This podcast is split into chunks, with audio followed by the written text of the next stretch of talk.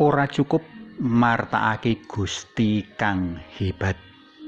Panglimbang limang menit kapethik saka Injil Lukas bab papat ayat telung puluh siji tekan ayat patang puluh papat.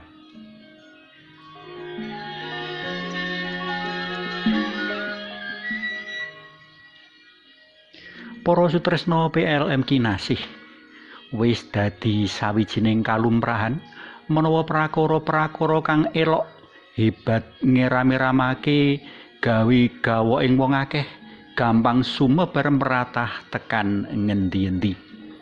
Wong padha teka kepingin nanjihake lan sak banjure kanthi lila legawa malah mbok menawa tanpa sadar dadi sambung tutuk kanggo martakake menyang tansaya adoh papan lan marang tansaya akeh manungsa.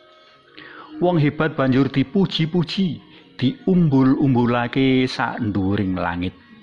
Nanging apa iki selaras karo karsa dalem Gusti?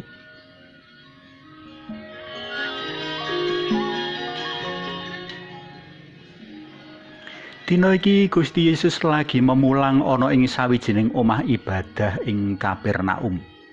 Panjenengane memulang minangka sawijining guru kang kebak kuwasa lan merbawani. Iki ndadekake wong-wong ing kono padha gumun. Kang luwih gumunake meneh, pranyata sang guru uga bisa yasa pangeram-eram. Panjenengane nundung demit saka sawijining wong kang kang slupan.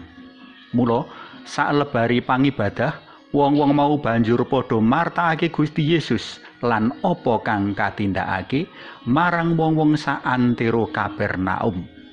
Gusti Yesus wiwit kondang minangka guru kang becik sarta juru saras leloro. Wiwit saka iku, maneka pangeram-eram dumadi ing kutha kono.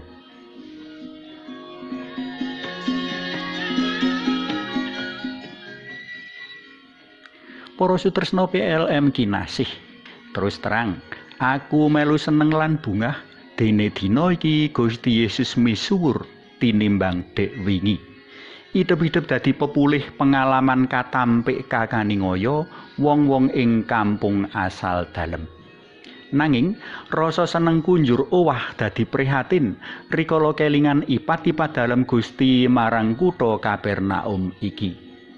Jroning Injil Matius bab 11 ayat 13 Gusti Yesus ngendika mengkene. Lan kowe Kapernaum, apa rumangsamu kowe bakal jinunjung sundul langit? Kowe bakal jemblong tekan dasaring bumi. Kanthi pangandikan iki, saja isih ana sak perkara banget wigati kang perlu ditindakake wong-wong Kapernaum. Asrah diri minangka murid dalem. Sawijining murid ora cukup amung gumun lan ngungun marang kehebatane sang guru, nanging uga perlu dadi sambung astane jroning nindakake visi misine. Wong-wong Kapernaum ora cukup amung nekakake wong akeh ing ngarsane Gusti Yesus, saperlu ngrungokake piwulang ditambani njur lali. Nanging wong-wong mau kudune bisa ngangsu kawruh lan saguh patembayatan karo Gusti Yesus. Tumindak becik marang pepodo.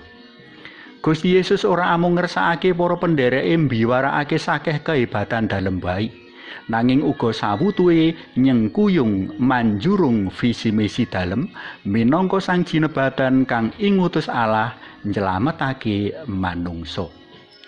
Taksih sami engeto visi misi dalem Gusti Yesus.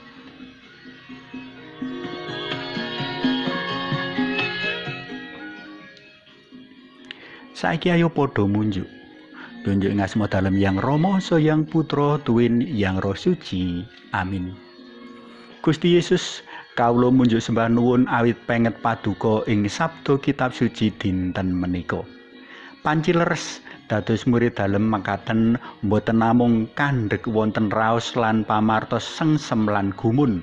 nanging ugi kedah ngamalaken piwulang paduka salebeting gesang bebrayatan bermasyarakat. Amin. Kunjuk ing asma dalem yang Rama, so yang Putra, tuwin yang Roh Suci. Amin.